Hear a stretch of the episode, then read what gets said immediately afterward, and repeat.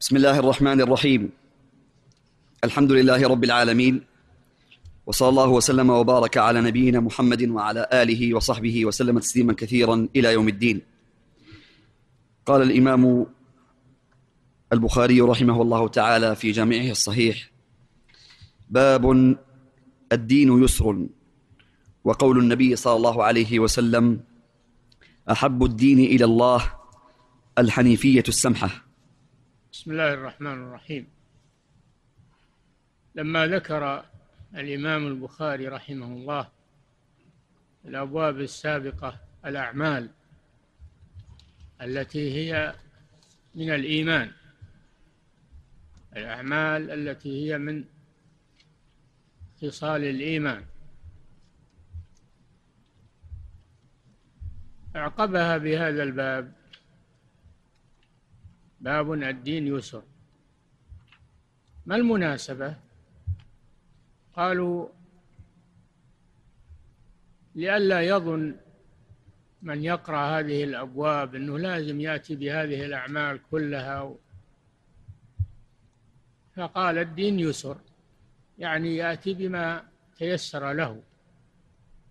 يأتي منها بما تيسر له ولا يشدد على على نفسه.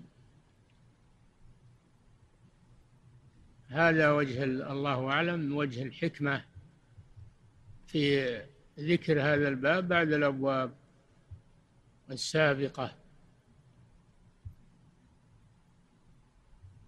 وذكر أثرا معلقا بدون سند أحب الأعمال إلى الله الدين إلى الله. نعم أحب الدين أحب الدين إلى الله الحنيفية. الحنيفية السمحة. الدين المراد به الأديان السماوية. الأديان التي شرعها الله على الأمم التوراة والإنجيل وأديان الأمم السابقة أديان الرسل السابقين ودين نبينا محمد صلى الله عليه وسلم. فكلها أديان في وقتها أديان في وقتها دينية سماوية. وأهلها مسلمون. ولكن بعد بعثة النبي صلى الله عليه وسلم توحد الدين بما جاء به صلى الله عليه وسلم.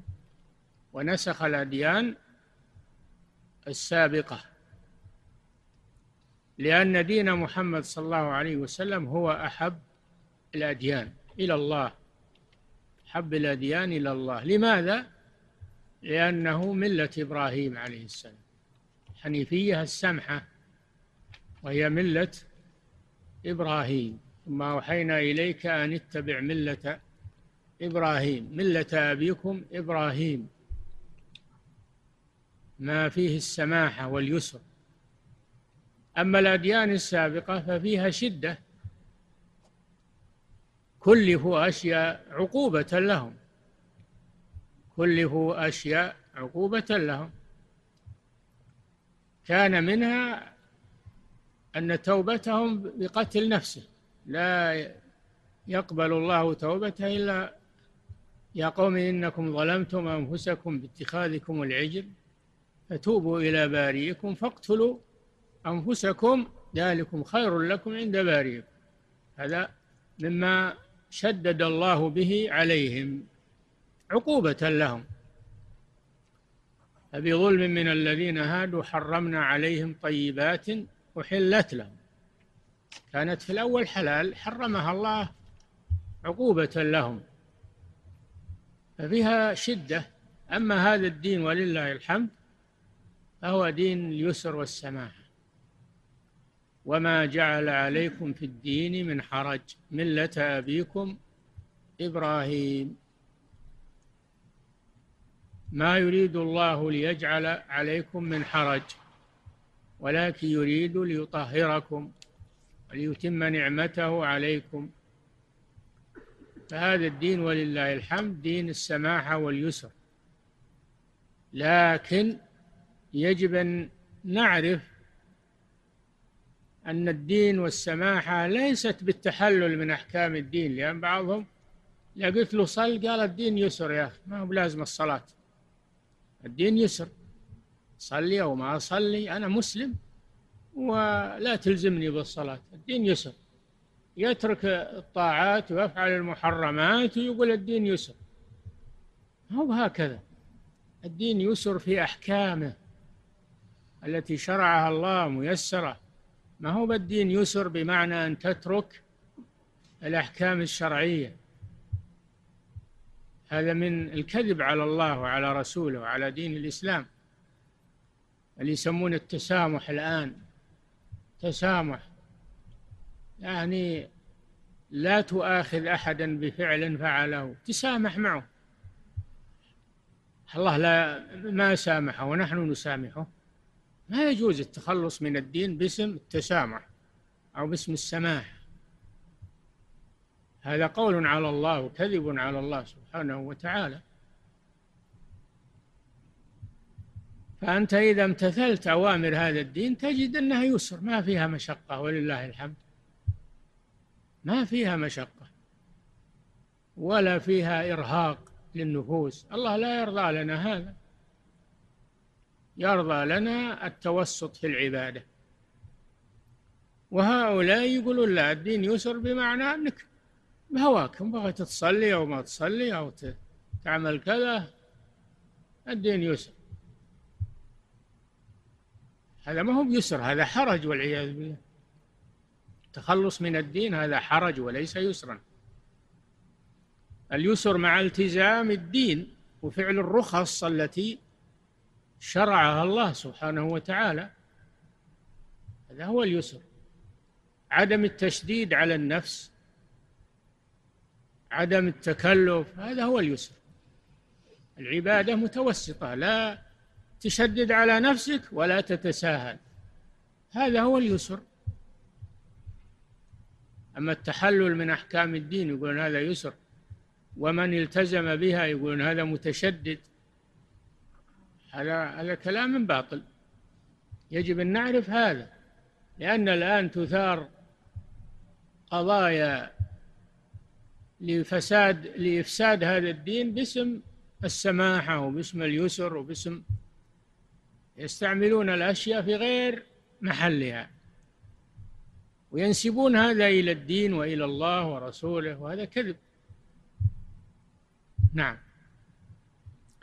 قال رحمه الله تعالى حدثنا عبد السلام بن مطهر قال حدثنا عمر بن علي عن معد بن محمد الغفاري عن سعيد بن أبي سعيد المقبوري عن أبي هريرة رضي الله عنه عن النبي صلى الله عليه وسلم أنه قال إن الدين يسر ولن يشاد الدين أحد إلا غلبه. إن الدين يسر يسر في تشريعاته. في تشريعاته التي شرعها الله سبحانه وتعالى. الصلوات الخمس ليس فيها عسر ولا مشقة ولله الحمد.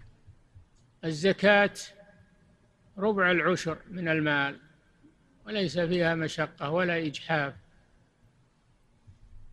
الصيام شهر من السنة أحد عشر شهر وأنت مفطر تصوم شهر واحد. الحج مرة واحدة في العمر على إيش؟ على المستطيع. هذا هو اليسر. ما هو اليسر إنك تترك أوامر الدين تستريح بزعمك تفعل ما تشاء من المحرمات تقول الدين يسر. نعم. ولن يشاد الدين أحد إلا غلبه. لن يشاد الدين. ما أحد يستطيع أن يحصي كل ما أمر الله به ويقوم به. ما يستطيع هذا أحد. لو تصلي الليل والنهار ما ما استطعت إنك إنك تحصي هذا الدين. لكن تأتي منه ما تستطيع. قال الله جل وعلا فاتقوا الله ما استطعتم. قال سبحانه وتعالى لا يكلف الله نفسا إلا وسعها. فإذا أتيت بما تستطيع فهذا هو الدين وهذا هو السماحة في الإسلام. وأما أنك تبي تفعل الدين كله ما تستطيع هذا. الدين كثير. ولن يشاد الدين أحد إلا غلبة. إذا أنك أردت أنك تحصي الدين وتقوم به كله الدين يغلبك. الدين يغلبك. تعجز عنه وتنقطع لأن هذا ملاحظ أن المتشددين الذين يشددون على أنفسهم ينقطعون ويتركون العمل. فإذا اتبعت الأسهل فالأسهل هذا يعينك على الاستمرار. إذا توسطت بين الكسل وبين الشدة هذا يعينك على الاستمرار في الطاعة. أما إذا تشددت فإنك تمل تترك العمل. تترك العمل. تصلي كل الليل بعض الليالي الليلة الثانية ما تستطيع تنام عجز. لكن إذا قمت من كل ليلة ما تيسر سهل عليك هذا واستمررت عليه. الصيام تبي تصوم كل السنة ما تفطر أبد تعجز. لو صمت أول سنة تعجز في السنة الثانية. فصم حسب استطاعتك. لا يكلف الله نفسا إلا وسعها. إن استطعت رمضان تصومه أداء تصوم وإلا إذا صرت معذور تفطر وتقضي من أيام أخر. يريد الله بكم اليسر ولا يريد بكم العسر. تقوم من الليل ما تيسر ولا تقوم الليل كله. تنام ترتاح وتقوم ما تيسر من الليل. اقرأوا ما تيسر منه. فهذا هذا الدين ولله الحمد. دين يسر. ولن يشاد الدين أحد. تبي تغلب عليه أنت وتبي تحصيه ما ولهذا قال صلى الله عليه وسلم استقيموا ولن تحصوا. استقيموا ولن تحصوا كما يأتي. فعليك أن تفعل ما تستطيع وتداوم عليه. أفضل من إنك تنهك نفسك ثم تنقطع تترك العمل في النهاية. وما رأينا أحدا تشدد إلا وترك العمل وانتكس. في ناس تشددوا الآن صاروا مع الفساق تحللوا من الدين. عقوبة لهم والعياذ بالله. فالوسطية في الدين هي الخير بين الغالي وبين الجافي. هذا هو دين الإسلام. الفرائض لا تترك تؤدى أما النوافل فتأتي منها ما يسر الله لك وما تستطيع. والفرائض ليس فيها مشقة كما ذكرت لك الصلاة ما فيها مشقة. خمس خمس صلوات في اليوم والليل. آه الزكاة على الغني والفقير ما عليه زكاة على الغني ربع العشر. عندك مليارات ما يجب عليك إلا ربع العشر. عندك مئة ريال ما عليك إلا ربع العشر. الحمد لله على الكثير والقليل ربع العشر. ربع العشر ما حد يعجز عنه. إلا الفقير اللي ما عنده شيء هذا ما عليه شيء. الصيام شهر واحد في السنة. إن شاء إن قدر يصومه أداء وإلا يقضيه إذا أفطر لعذر. والقضاء موسع. والحمد لله. الحج كما تعلمون اللي ما يستطيع ما عليه شيء. اللي يستطيع عليه مرة واحدة في العمر. هل أيسر من هذا شيء؟ لا ما أيسر من هذا شيء. النوافل الباب مفتوح لك. النوافل الباب مفتوح لك. ما دام إنك عندك رغبة تأتي بما يسر الله لك منها وإذا تركتها ما عليك شيء ما هي بواجبة. هذا هو اليسر في, في الإسلام. نعم. فسددوا وقاربوا وأبشروا. سددوا وقاربوا. سددوا أي أصيبوا أصيبوا السنة. احرصوا على إصابة السنة. فإذا لم تقدروا على الإصابة على الأقل قاربوا الإصابة قاربوا الإصابة سددوا وقاربوا. من لم يستطع تسديد فإنه يقارب ما يستطيع. نعم سددوا وقاربوا. وقاربوا ها. وأبشروا. وأبشروا لا يكون عندك قنوط وخوف يكون عندك رجاء أيضا. تجمع بين الخوف والرجاء. فلا تقتصر على الخوف. تكون مثل الخوارج.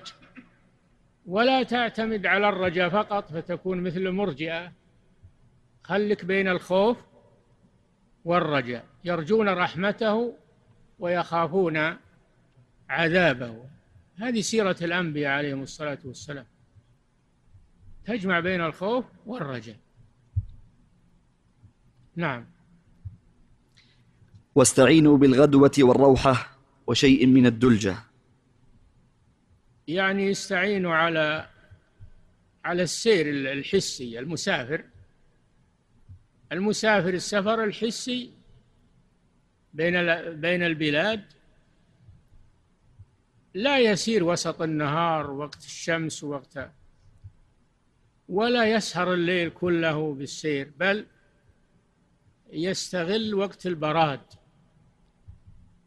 الغدوة وهي الصباح وقت البرد والروحة بعد الظهر وبعد ما تبرد الجو وشيء من الدلجة من الليل. ما هو كل الليل.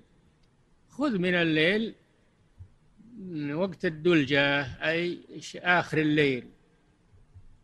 بهذا تقطع المسافة وأنت مرتاح. هذا السفر الحسي. السفر المعنوي إلى الآخرة مثله أيضا. استغل أوقات البراد وأوقات النشاط وارتح في الأوقات الشاقة ارتح وقت القيلولة وقت النوم بالليل نم. وخذ لكن تداوم على هذا. أحب العمل إلى الله أدومه وإن قل تداوم على هذا المطلوب المداومة. أما أنك يوم تفني نفسك ويوم ما تسوي شيء هذا لا ما يصلح هذا. نعم. قال رحمه الله تعالى باب الصلاة من الإيمان وقول الله تعالى وما كان الله ليضيع إيمانكم يعني صلاتكم عند البيت نعم. الصلاة من الإيمان. يعني الصلاة عمل وهي من الإيمان. بل هي أفضل خصال الإيمان. الدليل على أن الصلاة إيمان قوله تعالى وما كان الله ليضيع إيمانكم. أي صلاتكم. إيش الدليل؟ دليل أن هذه الآية نزلت الذين كانوا يصلون إلى بيت المقدس من المسلمين ثم ماتوا قبل تحويل القبلة إلى الكعبة. ماتوا وهم يستقبلون بيت المقدس لأن الرسول صلى الله عليه وسلم أول ما بعث كان يصلي إلى بيت المقدس. حوالي سنتين يصلي إلى بيت المقدس. حتى في المدينة لما هاجر كان يصلي في الأول إلى بيت المقدس. ثم إن الله حوله من بيت المقدس إلى الكعبة. هذا يسمى بالنسخ الشريعة. هذا نسخ. فنسخت القبلة من بيت المقدس إلى الكعبة المشرفة. قبلة إبراهيم عليه الصلاة والسلام. قد نرى تقلب وجهك في السماء فلنولينك قبلة ترضاها فول وجهك شطر المسجد الحرام. حيثما كنتم فولوا وجوهكم شطره. فاستقبل النبي صلى الله عليه وسلم القبلة الكعبة تحول عن بيت المقدس والمسلمون تبعوه في ذلك. فيه ناس في العهد الأول ماتوا وهم يصلون إلى بيت المقدس قبل تحويل القبلة. ندم عليهم أقاربهم. قالوا ما ما شأن أو ما حال الذين ماتوا ولم يصلوا إلى الكعبة. الله جل وعلا طمأنهم. فقال ما كان الله ليضيع إيمانكم. أي صلاتكم إلى بيت المقدس هذا بأمر الله سبحانه وتعالى.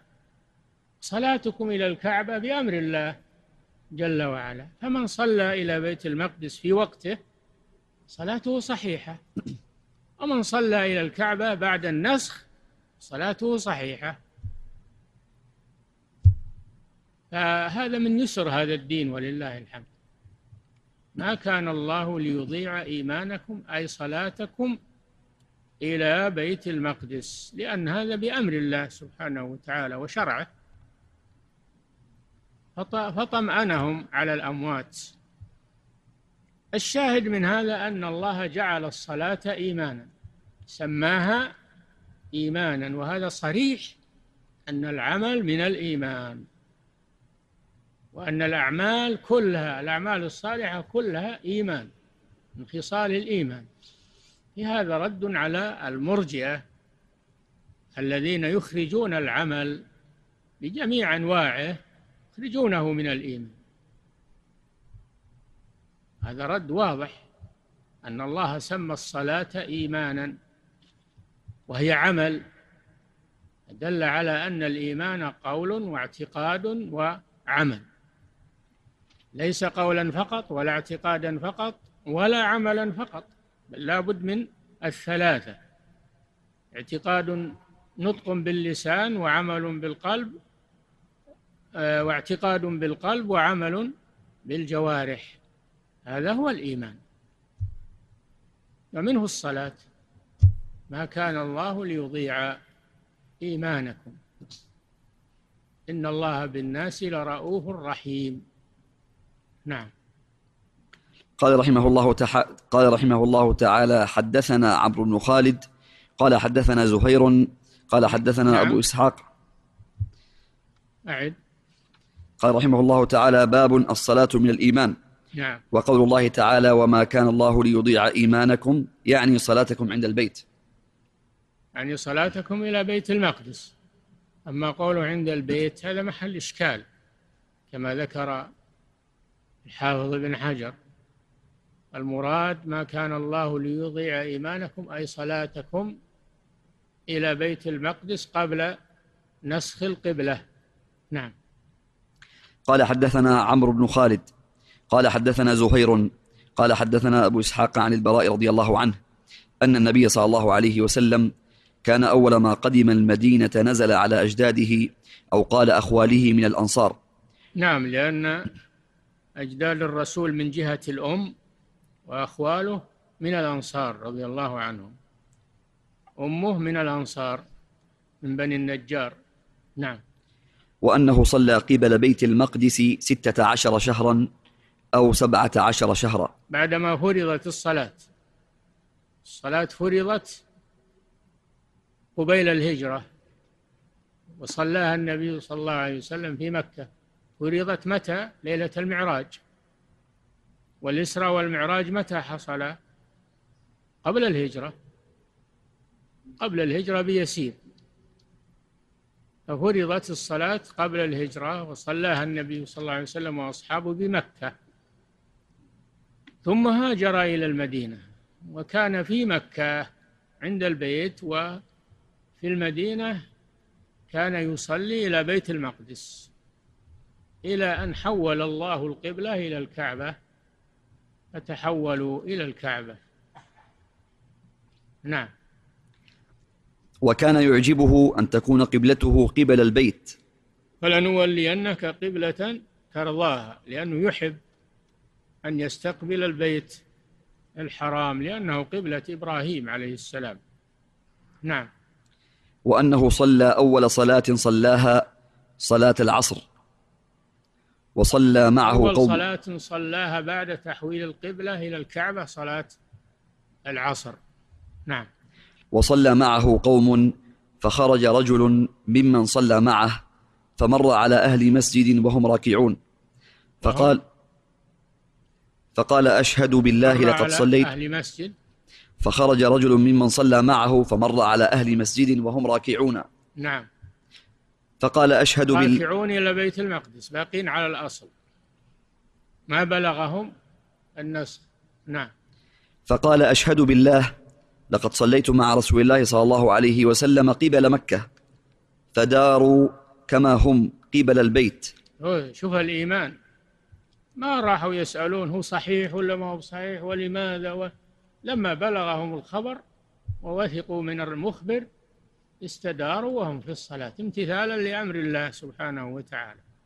وهكذا المؤمن. نعم استداروا وهم في الصلاة. أولها إلى بيت المقدس وآخرها إلى مكة وكلها صحيحة.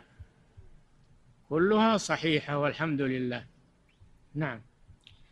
وكانت لكن, لكن العبرة في استسلامهم على طول وانصرافهم في الصلاة من كمال إيمانهم رضي الله عنهم.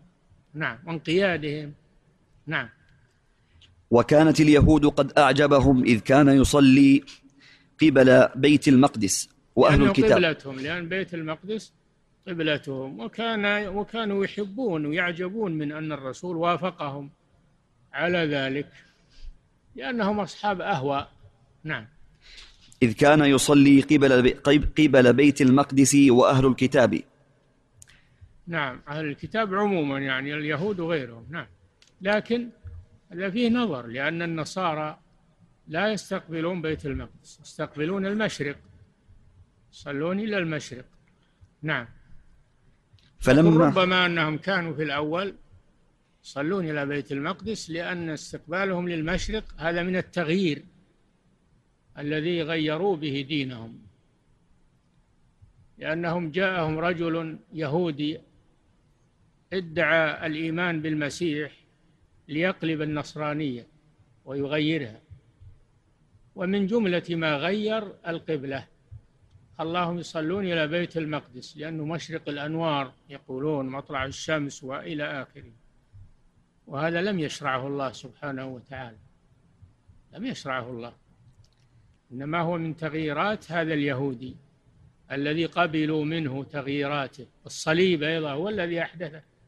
هذا اليهودي هو الذي أحدث عبادة الصليب وقبلوها منه لغباوتهم. نعم. فلما ولى وجهه قبل البيت أنكروا ذلك.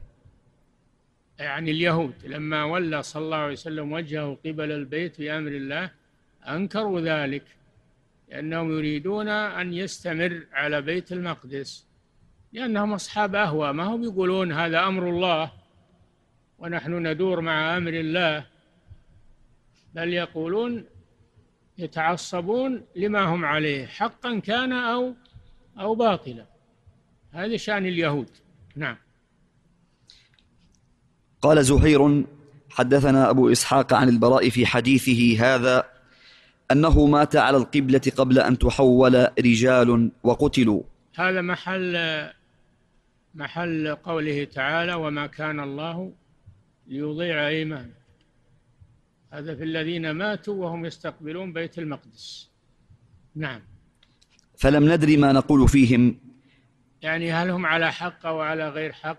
ماتوا على استقبال بيت المقدس. الله جل وعلا طمأنهم. نعم. فأنزل الله تعالى وما كان الله ليضيع إيمانكم. أي صلاتكم إلى بيت المقدس. لأنها بأمر الله وطاعة لله عز وجل. فالعمل بالشيء قبل أن ينسخ طاعة لله. أما إذا نسخ فالعمل بالمنسوخ وترك الناسخ. الطاعة تكون في العمل بالمنسوخ آه، تكون بالناسخ. الطاعة تكون بالعمل بالناسخ وترك المنسوخ. نعم. قال رحمه الله تعالى باب حسن إسلام المرء. خلصنا من قضية الصلاة إلى بيت المقدس والصلاة إلى الكعبة. ولا شك إن تحويل الكعبة أحدث عند الناس استغرابا. فاليهود أنكروا هذا وهم يعلمون أنه حق يعلمون أنه حق ولكنهم يكابرون. والمشركون أيضا فرحوا قالوا هذا رجل يتخبط حين كذا وحين كذا ففرحوا الاعتراض على الرسول صلى الله عليه وسلم. وأناس مسلمون ضعاف الإيمان ارتدوا عن دين الإسلام والعياذ بالله تأثرا باليهود. لهذا قال وإنها لكبيرة آه، إلا على الذين هدى الله وإنها أي قضية تحويل القبلة من بيت المقدس إلى الكعبة لكبيرة إلا على الذين هدى الله فهؤلاء يقبلون ما أمر الله به ولا يعترضون. أما اللي عندهم ضعف إيمان أو عندهم شك فإنهم تكبر عليهم هذه المسألة. ولا يعلمون أن الأمر لله. أن الأمر لله يشرع ما يشاء سبحانه وتعالى والطاعة هي اتباع أمر الله لا اتباع الهوى والتعصب لما عليه الآباء والأجداد. هذا هو الإيمان يدور مع أمر الله عز وجل حيث دار. فهي امتحان بلا شك تحويل القبلة امتحان. وإنها لكبيرة إلا على الذين هدى الله. وما كان الله ليضيع إيمانكم. نعم. قال باب حسن إسلام المرء. قال مالك أخبرني زيد بن أسلم أن عطاء بن يسار أخبره أن أبا سعيد الخدري رضي الله عنه أخبره أنه سمع رسول الله صلى الله عليه وسلم يقول إذا أسلم العبد فحسن إسلامه يكفر الله عنه كل سيئة كان زلفها وكان بعد ذلك القصاص. الحسنة بعشر أمثالها إلى سبعمائة ضعف والسيئة بمثلها إلا أن يتجاوز الله عنها. نعم. أعيد الترجمة. باب حسن إسلام المرء. باب ها؟ أو باب حسن إسلام المرء. نعم. من حسن إسلام المرء كما يأتي تركه ما لا يعنيه فمتى يكون إسلام المرء حسنا؟ متى يكون إسلام المرء حسنا؟ إذا كان إسلامه على طاعة الله وعلى أوامر الله ولا يعترض على شرع الله عز وجل بل يستسلم ويطيع وينقاد وتطيب نفسه بذلك. نعم. قال مالك أخبرني زيد بن أسلم أن عطاء بن يسار أخبره أن أبا سعيد الخدري أخبره أنه سمع رسول الله صلى الله عليه وسلم يقول إذا أسلم العبد فحسن إسلامه. حسن إسلامه يعني استقام استقام على الاعتدال لا غلو ولا جفا بل يكون متوسطا في دينه بين الإفراط والتفريط. هذا حسن الإسلام. فإن أفرط وغلا هذا من السوء وإن فرط وجفا فهذا من السوء. أما الحسن فهو ما بين الإفراط والتفريط والجفاء والتشدد. نعم. يكفر الله عنه كل سيئة كان زلفها. إذا أسلم إذا أسلم المرء تاب إلى الله دخل في الإسلام فالإسلام يجب ما قبله. التوبة تجب ما قبلها من الكفر والشرك والأعمال القبيحة كلها يكفرها الله بالتوبة. قل للذين كفروا إن ينتهوا يغفر لهم ما قد سلف. وفي الحديث الإسلام يجب ما قبله والتوبة تجب ما قبلها والهجرة تجب ما قبلها. ثم بعد ذلك بعدما يسلم يستقبل العمل. يستقبل العمل الحسنة بعشر أمثالها. إذا عمل حسنة فالله يعطيه عشر أمثالها من الجزاء تفضلا منه سبحانه. فضل ويزيد على س... على على عشر أيضا إلى سبعمائة ضعف إلى أضعاف كثيرة. والله يضاعف لمن يشاء. فلا حد للمضاعفات. وهذا كله من فضل الله. يعطيه الله شيئا لم يعمله. بل من فضله وإحسانه. وأما من أساء فالسيئة جزاؤها سيئة. هذا عدل منه سبحانه. ما يحمله الله أكثر من عمله السيء. الطاعة يزيدها الله. وأما المعصية فبقدرها ولا يزيدها الله. عدلا منه سبحانه. فالمضاعفة فضل والسيئة بالسيئة عدل. عدل منه سبحانه وتعالى. وإن شاء عفا. إن شاء عفا عنها أيضا. نعم. وكان بعد ذلك القصاص الحسنة بعشر أمثالها. القصاص يعني الجزاء. كان بعد ذلك بعد ما يتوب ويسلم يستقبل العمل يكون الجزاء على عمله. الحسنة بعشر أمثالها والسيئة بمثلها. من جاء بالحسنة فله عشر أمثالها. ومن جاء بالسيئة فلا يجزى إلا مثلها. وهم لا يظلمون. نعم.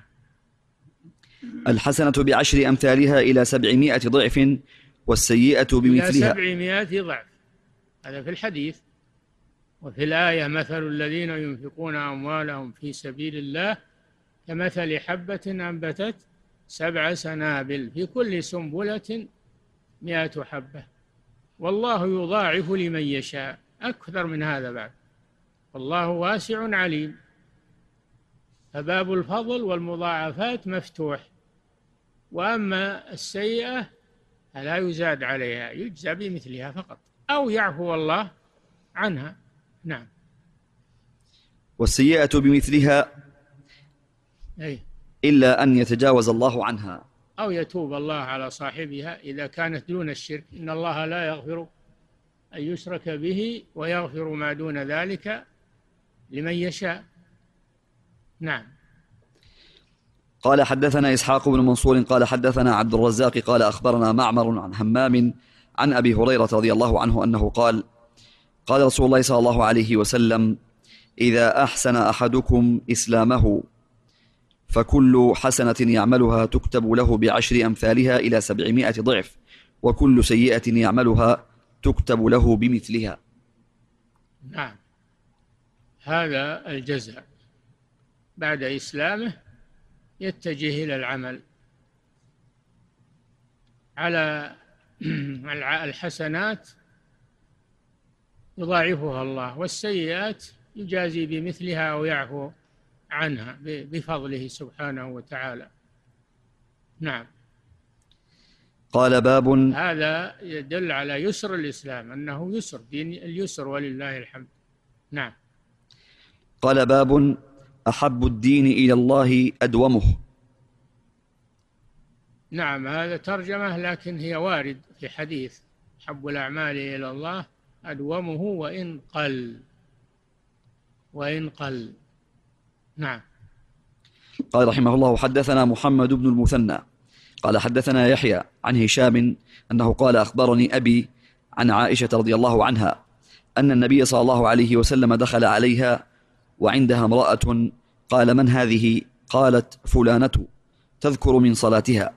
قال مه عليكم بما تطيقون فوالله لا يمل الله حتى تملوا وكان أحب الدين إليه ما داوم عليه صاحبه. نعم. دخل النبي صلى الله عليه وسلم بيته وإذا بامرأة عند عائشة رضي الله عنها. فسأل عنها قالت فلانة وذكرت من اجتهادها في العبادة. قال صلى الله عليه وسلم مه يعني كلمة زجر. مه يعني كف تكف عن هذا عن التشدد.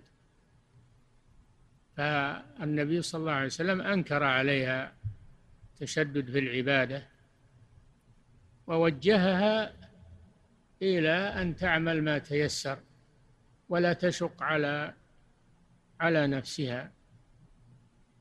وقال إن الله لا يمل حتى تمل. الله جل وعلا يقبل على عبده في العبادة وتقبل منه ويستمر على ذلك حتى ينصرف العبد. إذا انصرف العبد الله ينصرف سبحانه وتعالى عنه. لا يمل حتى تمل. وهذا الله لا يمل سبحانه وتعالى لكن هذا من باب المقابلة والمشاكلة في اللفظ مثل وجزاء سيئة سيئة مثلها. يسخرون منهم سخر الله منهم. الله يستهزئ بهم. إنما نحن مستهزئون. الله يستهزئ بهم. ويمكرون ويمكر الله. هذه أفعال. وإن كانت مكروهة من العباد إلا أنها من الله كمال وليست نقصا وإنما هي كمال لأنها عدل مبنية على العدل والجزاء. ليست على الظلم وعلى الجور. سخرية العباد أو استهزاء العباد بعضهم من بعض أو مكر العباد هذا ظلم ولا يجوز. أما هذا من الله فهو عدل عدل وجزاء منه سبحانه وتعالى يحمد عليه. فليس هذه الأفعال بالنسبة لله ليست هي مثل الأفعال التي عند المخلوقين. وإنما سميت بهذه الأسماء من باب المقابلة والمشاكلة فقط. نعم. أسئلة شيخ؟ نعم. نقف الأسئلة ولا؟ طيب. أحسن الله إليكم وبارك فيكم ونفع بكم الإسلام والمسلمين. إيش انتهيت عليه؟ باب زيادة الإيمان. اي نعم. هذا سائل يسأل فيقول ما هي الشجرة الملعونة في القرآن؟ زقوم. الشجرة الملعونة شجرة الزقوم والعياذ بالله. نعم. والشيعة يقولون الشجرة الملعونة بنو أمية من جملة تحريفاتهم. نعم. أحسن الله إليكم. شجرة الزقوم طعام الأثيم كالمهل يغلي في البطون كغلي الحميم. هذه شجرة الزقوم. نعم. أحسن الله إليكم. وهذا سائل يقول ما توجيه فضيلتكم؟ ولماذا شجرة الزقوم فتنة؟ من لماذا صارت فتنة للكفار؟ لأن أبا جهل لما سمع الآية إن شجرة الزقوم طعام الأثيم قال الزقوم هو الزبد زبد مع التمر. هي عند العرب. الزقوم يتزقمونه يعني الزبد مع التمر. جاب لهم تمر وزبد. قال تزقموا. هذا هو الزقوم الذي يتوعدكم به محمد. صارت فتنة يعني والعياذ بالله للكفار حيث يتمسخرون من القرآن. نعم. أحسن الله إليكم. وهذا سائل يقول ما توجيه فضيلتكم في من يضيعون أيام وليالي شهر رمضان المبارك بمشاهدة التلفاز وغيره من الاستراحات والتجمعات؟ هذا ضياع. هذا ضياع. شهر رمضان فرصة في عمر المسلم. قد لا يدركه مرة ثانية فيستغله بطاعة الله. وبذكر الله والأعمال الصالحة ولا يضيعه باللهو واللعب والغفلة والكسل أو أشد من ذلك يضيعه بالمعاصي والمحرمات أو بمتابعة المسلسلات الهابطة التي تضيع الوقت. على الأقل هي مضحكة ومضيعة للوقت. وإلا هي يأتي فيها سخرية ويأتي فيها استهزاء ويأتي فيها أمور محرمة. فالمسلم يحفظ وقته ويرفع نفسه عن الدنايا وعن التوافه والأشياء التي تضره نعم. أحسن الله إليكم. وهذا سائل يسأل عن بعض الكتب الميسرة في فنون آه، العقيدة والحديث والفقه ومصطلح الحديث وأصول الفقه ونحو ذلك. مختصرات. مختصرات. في كل فن ولله الحمد كتب مختصرة للمبتدئ. في كل فن من هذه الفنون. يسمونها المتون متون العلمية. ويقولون ما المتون تقوي المتون يعني تقوي العضدين والأعضاء. فهي مداخل للعلوم. على طالب العلم أن يحفظها ويحضر شرحها على المشايخ ليترقى منها إلى ما هو أعلى منها وأبسط. نعم. أحسن الله إليكم. هذا سائل يسأل فيقول هل الكلام المجمل يحمل على المفصل في كلام البشر؟ بلا شك. إيه نعم. يحمل كلامهم المجمل على كلامهم المفصل والمطلق يحمل على المقيد. نعم. يجمع بين كلام الشخص ويقارن بينه. ما يؤخذ قسم منه ويترك القسم الآخر. هذا من الظلم. نعم. أحسن الله إليكم وهذا سائر يسأل فيقول رجل ذبح ووزع ذبيحته على أقربائه مع العلم أنه تارك للصلاة فهل تؤكل ذبيحته؟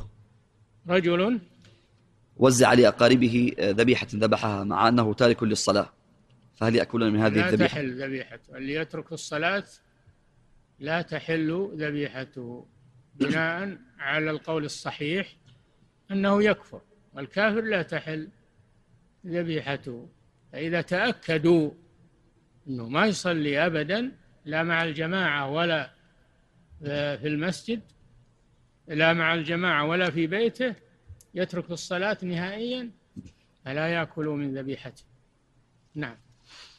أحسن الله إليكم وهذا سائل يسأل فيقول صفة الخداع المكر الملل وغير ذلك من الصفات ما العلة في عدم وصف الله تعالى بها؟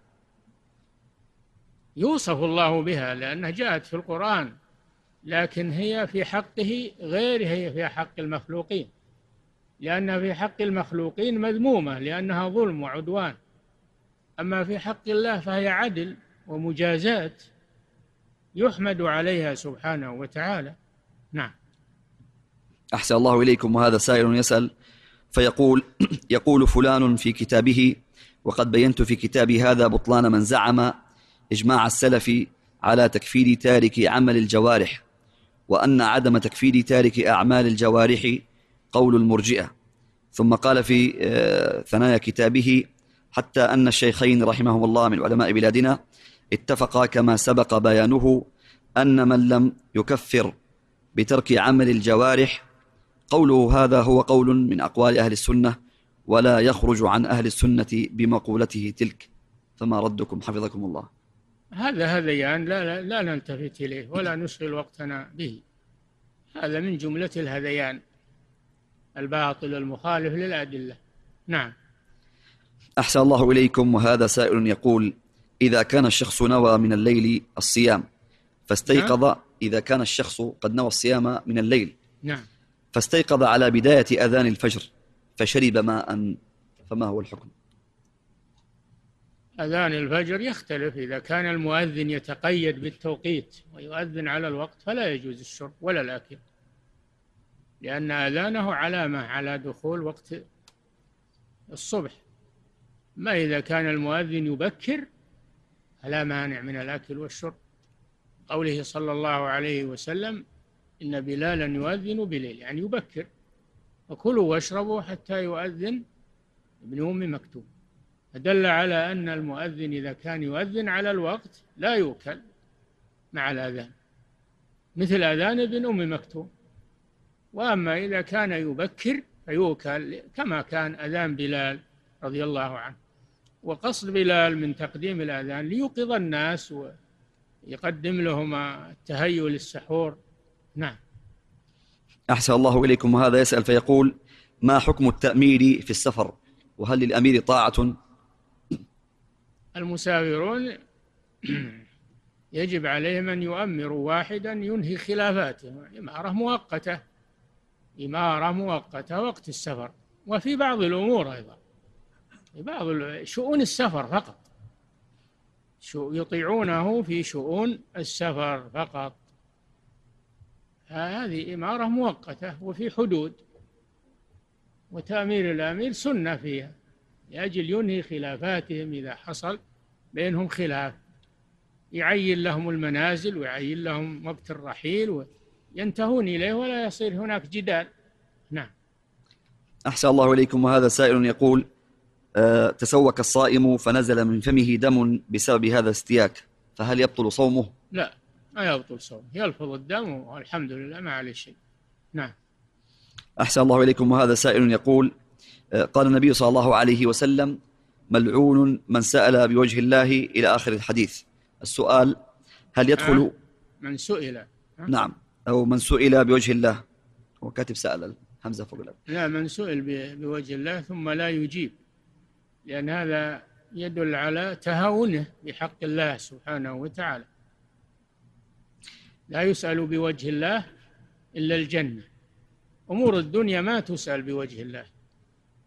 ما تسأل بوجه الله إنما يسأل بها الشيء العظيم وهو الجنة. تقديرا وتحتراما لأسماء الله وصفاته. نعم.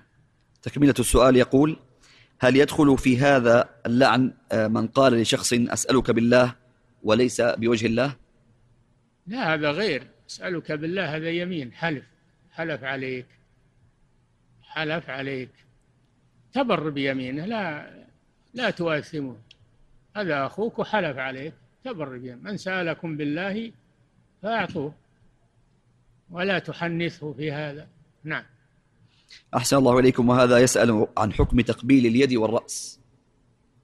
يجوز للعالم وللوالد يجوز للعالم وللوالد وللأمير فقط. نعم. أحسن الله إليكم وهذا يسأل عن حكم أفلام الكرتون. صور صور ناطقة ومتحركة هي أشد. نعم. وهذا يسأل عن جملة إذا أردت أن تطاع فأمر بما يستطاع. يسأل إيش؟ عن جملة تنتشر كثيرا. إذا أردت أن تطاع فأمر بما يستطاع. نعم المعنى صحيح. هي ما هي بحديث فيما أعلم إنما هي بحديث. إنما هي من الحكمة. ومعناها صحيح. إذا أردت أن تطاع فأمر بما يستطاع. أما إذا أمرت بشيء لا يستطاع فهذا يسبب المعصية يسبب معصية أمرك. نعم. أحسن الله إليكم وهذا سائل يقول حديث لا صلاة لا صلاة لمن يحضره طعام. هل يدخل فيه إمام المسجد؟ إمام المسجد ما يخلي عشاء وقت حضور الصلاة. لكن لو قدر لو قدر أنه صدفة حضر الطعام يأخذ نهمته منه قبل أن يذهب يأخذ نهمته وما يسكن شهوته ونفسه ويروح يصلي. وهذا ما يأخذ منه وقت يعني. لحظة. نعم. أحسن الله إليكم. وهذا سائل يقول هل يجوز أن نخرج الزكاة قبل أن يحول عليها الحول بثلاثة أشهر؟ لا بأس. تعجيل الزكاة يجوز لمدة حولين. إذا دعت الحاجة إلى هذا لا بأس. نعم. أحسن الله إليكم. وهذا وهذه سائلة تقول نام أناس في أي آه نام أناس في أيام التشريق في العزيزية بمكة بدل منا. هل عليهم شيء؟ طبعا هم يرمون الجمرات ثم يعودون إلى المبيت بالعزيزية وقد كانوا تبعا للمخيم. إذا كانوا لم يجدوا مكانا في منى لم يجدوا مكانا في منى فهم معذورون. فهم معذورون. لم يجدوا مكانا ولا يستطيعون الذهاب بالليل يمشون ويبيتون في منى ويرجعون. أو كانوا عاجزين أو مرضى أو كبار سن ولا يستطيعون الذهاب إلى منى هذا معذور معذورون. لا واجب مع عجز يسقط الواجب مع العجز. اتقوا الله ما استطعتم. لكن الأفضل والأكمل لمن لم يجد مكانا في منى أن ينزل بطرف الحجاج. القريب من منى. ينزل بطرف الحجاج. قريبين من منى. ولا يروح للعزيزية والأشقب وللمكيفات ولا وجاي حاج. أشعث أغبر ما يجي ويرفه نفسه. هذا يصير مع الحجاج. ينزل مع الحجاج. ولو خارج منه نعم. وهذه سائلة تقول هل يجوز استخدام بخاخ كباسين؟ وأكسجين هل يجوز استخدام بخاخ؟ تقول كباسين وأكسجين عن طريق الفم أثناء الصيام في لا. رمضان. اللي يدخل إلى الجوف لا يجوز من البخاخ وغيره. يدخل إلى الجوف وينشط الجسم وفيه فيه ماء وفيه دواء فيه ماء وفيه دواء يدخل إلى الجسم. خليه في الليل يستعمله في الليل. وإن كان لا يستطيع البقاء إلى الليل يستعمله يقضي هذا اليوم لأنه مريض. نعم. أحسن الله إليكم. وهذا سائل يقول هل الدعوة بإلقاء المحاضرات المضحكة حتى يقبل الشباب ويحبون الدعوة ويحب الدعوة والاستقامة من الوسائل الدعوية الصحيحة؟ أمور الدين ما يدخلها شيء من هذه الأمور الاجتهادات أمور الدين أمور جد وأمور حزم وبيان. ما يدخلها المضحكات والملهيات و... هذا مما أحدثه بعض الناس اللي يزعمون أنهم من الدعاة وليس كذلك. ما كان الرسول صلى الله عليه وسلم يدعو الناس بهذه الأمور. كان يتلو عليهم القرآن ويدعوهم ويأمرهم وينهاهم. ما كان يجيب لهم مضحكات وأشياء من هذه التوافه التي يستعملها من ينتسبون إلى الدعوة الآن. نعم. أحسن الله إليكم وهذا سائل يسأل فيقول الإسبال معصية وهو مجاهرة بالمعصية فنرجو منكم نصيحة لمن هو مسبل. أنا ما أرى ولله الحمد في الإخوان واحد مسبل ما أرى فيهم أحد مسبل. وإن قدر أن أحد منهم ما انتبه يمكن أنه يحصل منه شيء ما ينتبه له لكن يتفقد نفسه ويترك الإسبال نعم. أحسن الله إليكم. وهذا سائل يقول لدي زكاة مال حال عليها الحول ولي أقارب فقراء خارج البلاد وأريد أن أتصدق عليهم فما الحكم؟ يجوز أنك تنقل الزكاة إلى أقاربك محتاجين. ولو خارج البلاد. يجوز هذا عند الحاجة والأصل أن الزكاة في مكانها في بلدها لكن إذا دعت حاجة إلى نقلها لا بأس ذلك نعم. أحسن الله إليكم. وهذا يقول هناك من إخواننا من يقص ويرتب لحيته من الجوانب حتى يكاد يحلقها. نرجو توجيهكم. حفظكم الله. هذا لا يجوز. هذا الرسول صلى الله عليه وسلم أمر بتوفير اللحى. وقصها ليس توفيرا وأمر بإرخائها وإرسالها. هذا فاعل لمحرم. القص والحلق والنتف كله محرم هذا. نعم. أحسن الله إليكم. وهذا سائل يقول ما حكم إطالة الدعاء في الوتر في شهر رمضان؟ وما حكم ترتيله؟ ما حكم إطالة الدعاء في الوتر في شهر رمضان؟ قنوت. نعم. إيه. هذا خلاف السنة. هذا خلاف السنة ويشق على المأمومين. فيختصر يختصر. يأتي بدعوات شاملة وعامة ولا هي بكثيرة. لا يحرج المأمومين ويشق عليهم. نعم. وما حكم ترتيله مثل القرآن؟ ما يعتبره قواعد التجويد. ما تكون إلا في القرآن ما تكون في غير القرآن. نعم. لكن أنه يحسن صوته ما يخالف لا بأس. نعم. ويقول وما حكم الوصف في الدعاء مثل ما يفعله بعض الأئمة عند ذكر الموت فيذكر صفة الموت وصفة القبر ونحو ذلك. إيش؟ ما يفعله بعض الأئمة عند الدعاء في القنوت عند ذ- فيصفون الموت ويصفون القبر وهم في دعاء القنوت. هذه تفاصيل لا داعي لها وتشق على الناس. تشق على الناس. والناس يعرفون الموت ويعرفون القبر لكن حثهم على العمل الصالح والاستعداد للموت والقبر. أما أنك تقول القبر كذا وال- والموت كذا وقال هم يعرفون هذا ما يحتاج. نعم. أحسن الله إليكم وهذا سائل يقول تركت صلاة مرة واحدة قبل ثلاثين عاما تقريبا وكنت مسافرا ولا أذكر هل صليتها أم لا. والآن أنا في هم كبير فكيف العمل وكيف أقضيها؟ اقضها يا أخي أبرئ ذمتك. اقضها الآن والحمد لله. نعم. بعدين تطمئن نفسك. نعم. أحسن الله إليكم. وهذا سائل يقول ماذا يقال في سجود السهو وسجود التلاوة وسجود الشكر؟ يقال ما يقال في سجود الصلاة. سجود التلاوة سجود الشكر. يقال فيه ما يقال. في سجود الصلاة. سبحان ربي الأعلى. ويكررها. وإن جاء مع ذلك بدعاء فلا بأس. يدعو الله. نعم. أحسن الله إليكم. وهذا سائل يقول أشكل علي فعل ابن عمر رضي الله عنهما أنه كان يصل أنه كان يصوم اليوم الثلاثين.